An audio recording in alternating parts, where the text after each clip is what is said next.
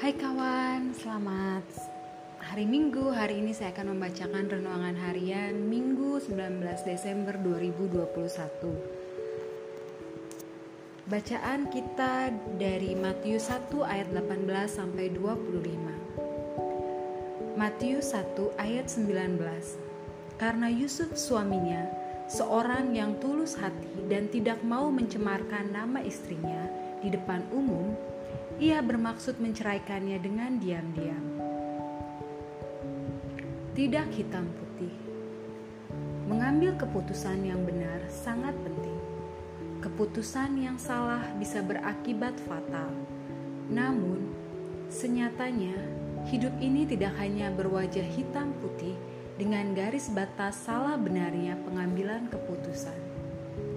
Ada kalanya Kendati keputusan yang kita ambil sudah benar, laju kehidupan kita tidak bergantung padanya atau otomatis seiring sejalan dengannya. Sebenarnya, kata Yunani yang diterjemahkan dengan tulus hati adalah dikaios, berarti adil benar. Yusuf diakui sebagai adil atau benar, sebab di tengah pergumulan berat, Akhirnya, ia mengambil keputusan yang tak mementingkan diri sendiri, yakni bercerai diam-diam. Meskipun demikian, yang terjadi dalam hidupnya jauh berbeda dengan keputusan tersebut.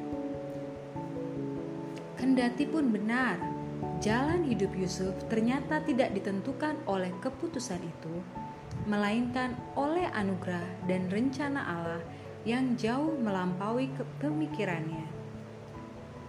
Aku sudah berdoa dan memutuskan yang benar. Mengapa akibatnya begini?